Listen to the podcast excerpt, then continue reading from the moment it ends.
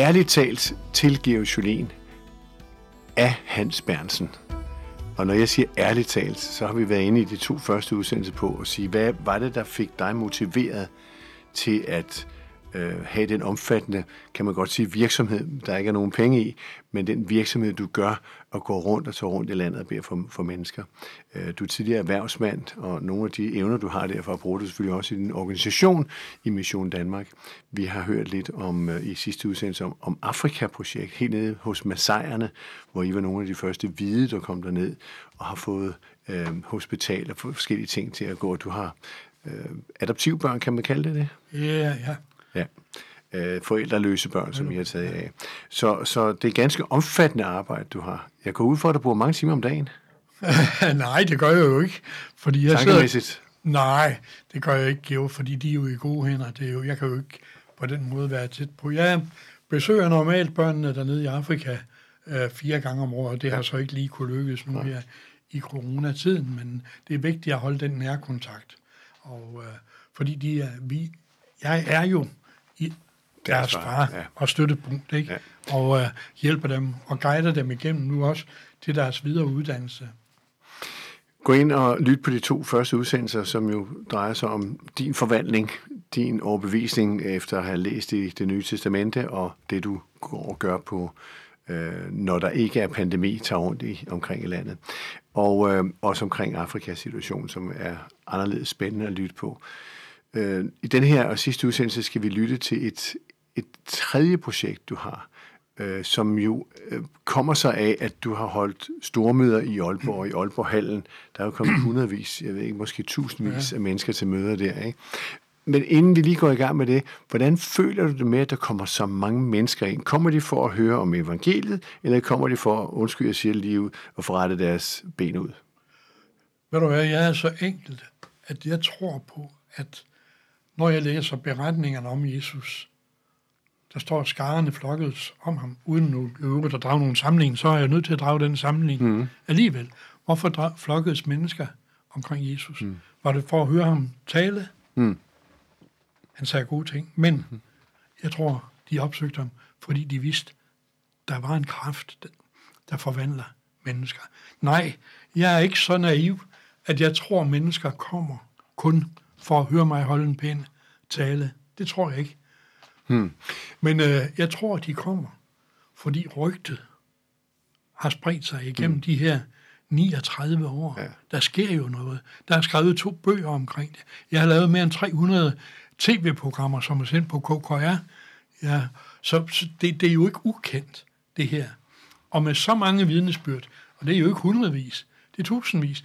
Der var en studie nede i Aarhus på universitetet. Øh, jeg kan ikke huske tallene helt præcis, men de har undersøgt igennem vores informationsblad mere end 800 tilbagemeldinger. Og det er mange år siden. Der var, det var der en artikel om, som mm. de her, øh, der studerede dernede øh, på universitetet, har sagt, jamen, det sker jo.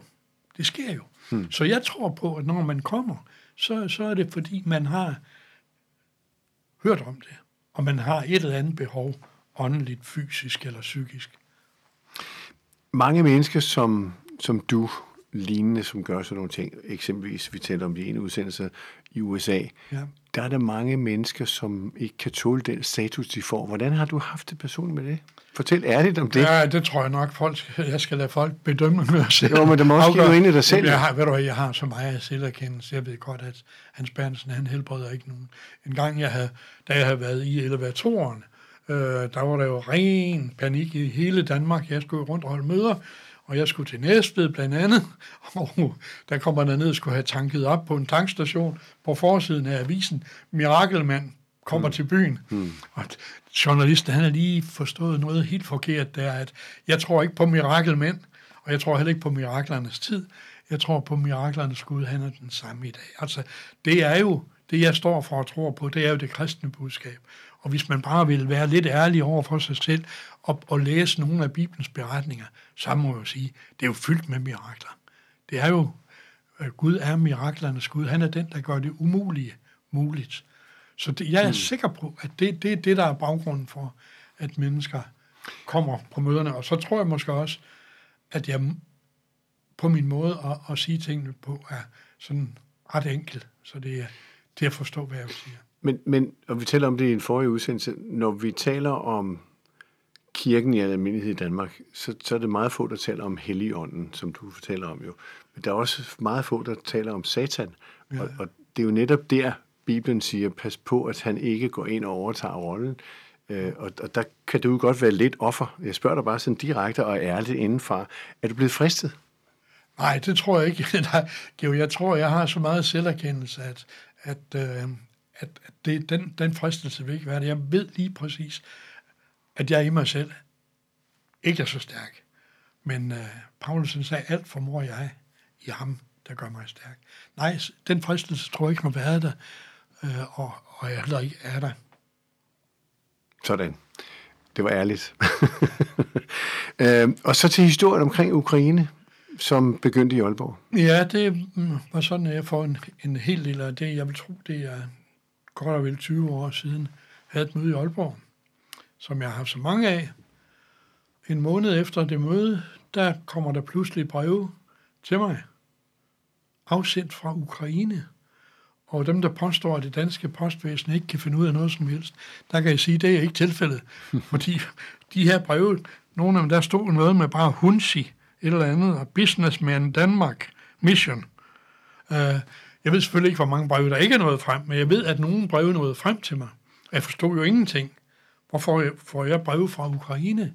Så det næste møde, jeg havde i Aalborg, det var en måned efter, øh, jeg var tilbage igen, og der tager jeg så de her breve ind, og så siger jeg, det er så underligt, efter jeg har været her sidst, har jeg modtaget de her breve.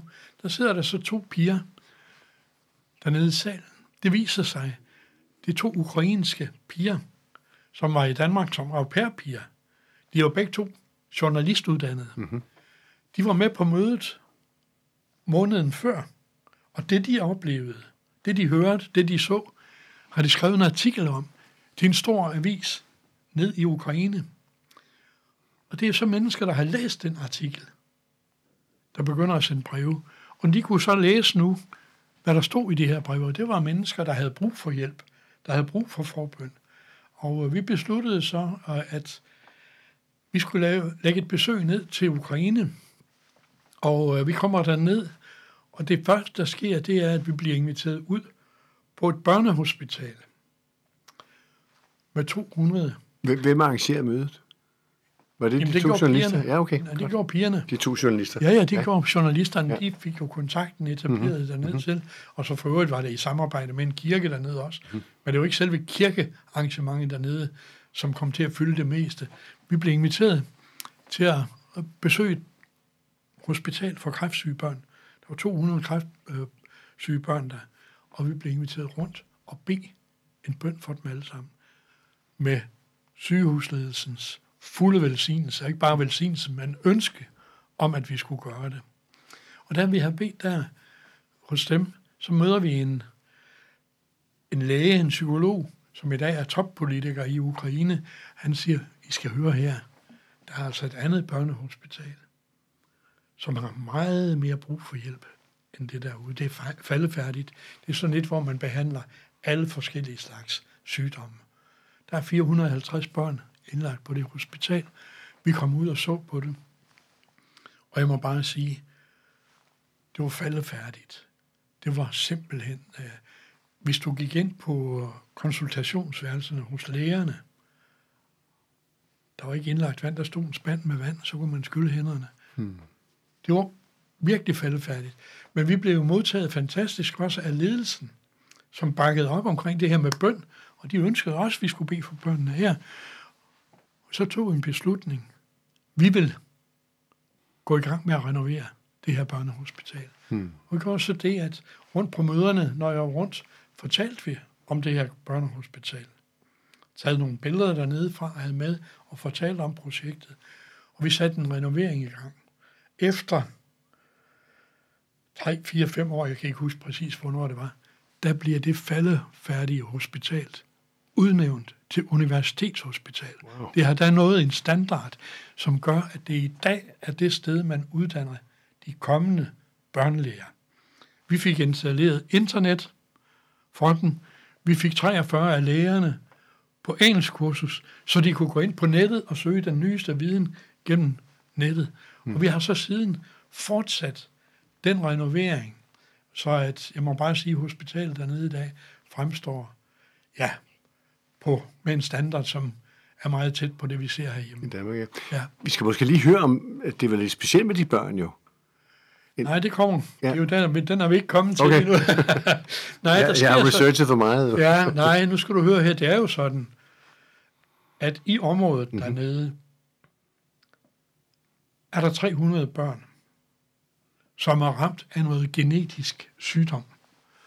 Fordi, lad mig lige lede dig helt ind på det, fordi der var jo færdig med den her renovering, stort set dernede. Mm-hmm. Så siger hende, der på det tidspunkt er avanceret, hun er i dag nummer tre i sundhedssystemet i hele Ukraine, hun siger, vi har et helt andet problem, hvor vi har brug for hjælp. Mm-hmm. Og så fortæller hun, i området her, det er et stort område, hvor der er 2-3 millioner mennesker i det område, der er der cirka 300 børn, som er ramt af en genetisk sygdom, der gør, de kan ikke trække vejret, de kan ikke bevæge sig, de kan ikke, øh, de kan ikke gå, mange af dem kan heller ikke spise. Så de børn var det jo ingen idé i at køre på hospitalet, for lægeligt set kan de ikke gøre noget for dem. Så det allerbedste, man kan gøre for børnene, det er at sikre dem, at de er i trygge rammer og får omsorg. Og det gør de bedst ved, at de er hjemme hos far og mor. Men det kræver så, at far og mor får den støtte, de skal have til at købe det udstyr, de skal have. De skal jo have pumper, der kan trække vejret, de skal have madsystemer, altså alt, alt det her. Mm-hmm. Og derudover, så skal det jo også være muligt, at de kan få besøg af læger og sygeplejersker efter behov. Så det, man ønskede, det var opret et mobilt hospice. Det vil sige, at de børn er jo egentlig, de er på hospice, men de bliver ikke lagt ind på et eller andet hospital, hvor far og mor alligevel skulle komme for at besøge dem. Hmm. Nej, de får lov til at være hjemme hos far og mor. Og det er trygt og godt, hvis de har udstyr og får hjælp. Og så en af de ting, vi gjorde, det var jo, at vi har købt biler til dem dernede. De biler kan transportere læger og sygeplejersker, så de kan komme rundt og besøge de her børn og forældre. Vi har betalt betalt penge dernede, ansat en psykolog, som kunne komme ud og støtte både børn og forældre, også i hele den her situation. Og de her forældrepar dernede, de har faktisk også et meget tæt samarbejde, fordi de er jo i en situation, som, som de ikke er enige om, fordi der er mange, der står i stort set samme situation. Og øh, den, den forældregruppe har vi i dag et rigtig godt samarbejde med. Mm. Og øh, hvis ikke det havde været på grund af coronaen, har vi tilbudt dem at komme ned med helt nyt udstyr omkring det her med vejrtrækning, som gør også, at de, når vejret er til det, kan komme ud. Mm. Altså, de skal jo have noget mobilt. Ja, De skal have er batterier. Ja, det er klart. Strømmen smu- smutter tit dernede, og hvad sker der så, når ikke de kan trække vejret? Vi skal have købt batterier, der kan sikre, at de får vejrtrækning, og så videre. Vi har, vi har givet tilsavn om, at- at de skal få fuldstændig nyt udstyr dernede. Det og det får de lige så snart, der er mulighed for at tage til Ukraine igen. Men det lyder som et ufatteligt stort projekt. Det er det også. Det har kostet millioner. Og er det noget, I har indsamlet her? Ja, det er det. Så danskere, som har fået øjnene op for det, siger, det må Ja. vi gøre noget ved. Ja, det, det er det, og- det er jo også fordi, folk kan se, Hmm. at det der, det pengene bliver brugt til, det virker. Det fungerer, ja. At, at, at pengene går, kommer frem til stedet. Det er ikke noget med 80 procent, der, der går til administration eller noget andet. Vi alle, som har arbejdet, vi få, som er i ledelsen af Mission Danmark, vi arbejder alle sammen frivilligt, mm. og har altid gjort det. Den genetiske sygdom fandt man ud af, hvad det var? Nej, det ved man ikke med sikkerhed, men man mener dernede måske, at det her atomudslip fra Tjer- Tjernobyl mm-hmm. har gennem forældrene simpelthen spredt sig videre på en eller anden måde Strålerne. til børn. Ja, ja. Så det, det er jo en... Ja, det bedste vi kan gøre for den, vi tror selvfølgelig på, at for Gud er, er det umulige muligt. Så Ja. ja. hver gang selvfølgelig beder jeg for de her børn. Ikke? Ja, for det skal jeg også til at spørge dig om, fordi øh, lytteren vil gerne til at sige, hvorfor beder du ikke bare for dem? Gør det. Det er det allerførste, vi gør. Ja. For at bede for forældrene, for børnene og så videre. Men det er, jo, det er jo en kendt skærning, at uanset om hvor meget vi tror på Jesus, undskyld, jeg siger det, så skal vi jo dø alle sammen. Hmm. Ikke? Og, og det, nogen får et kort liv, andre får et langt liv. Og det, det er vi ikke selv her over, øh, hvordan det sker. Det afgørende er egentlig, at man er klar den dag, det måtte ske, at man ikke skal være her. Men vi taler jo ikke meget om døden. Nej, men, og det er jo også noget mærkeligt noget, for det eneste er helt sikkert, at vi alle sammen skal. Hmm. Eller skal vi nu det, Geo? Skal vi dø? Jeg skal ikke i hvert fald. Hvad skal du så? Mit hylster, som jeg er inde i, det dør. Hvor, hvor tror du selv, du skal hen? Det kan jeg sige dig med sikkerhed. Jeg skal et andet sted. Ja, hvis jeg må have lov at fortælle, fantastisk. Det, der sker, Geo, når man kommer til tro. Jeg har våget den her påstand mange, mange gange. Der er millioner af danskere. De er ikke erklæret døde, men de lever ikke. Hmm. De eksisterer bare. Kan jeg våge at sige det? Ja, det kan jeg, for det er ikke mig, der siger det. Jesus siger, den, der lever sit liv i troen på mig, har livet. Han siger også, hvis ikke man gør det, så har man ikke livet. Og til dig, der lytter på det her, er du en af dem, der lever, eller er du en af dem, der eksisterer? Hvad er det, miraklet er? Så når man åbner hjertet for troen, så fortæller Bibelen, så bliver vores ånd levende gjort. Hmm. Født på ny. Og hør nu her, Geo og alle andre, der står, I er blevet født på ny. Ikke til et midlertidigt liv, som det jeres forældre gav jer, men til et helt nyt, evigt liv. Geo. Det er det, der sker. Det er jo hylster, det, det ved jeg, det, Og hvorfor taler vi ikke om det? ja, det er jo Hvor, hvorfor er der en, en, et tabu? ved du hvad, der er mange, der har bestemt, hvor de skal holde deres sommerferie. Det har de så ikke kunne gøre i år på grund af coronaen, men uh, der er meget få, der har taget stilling til, hvor de skal tilbringe evigheden.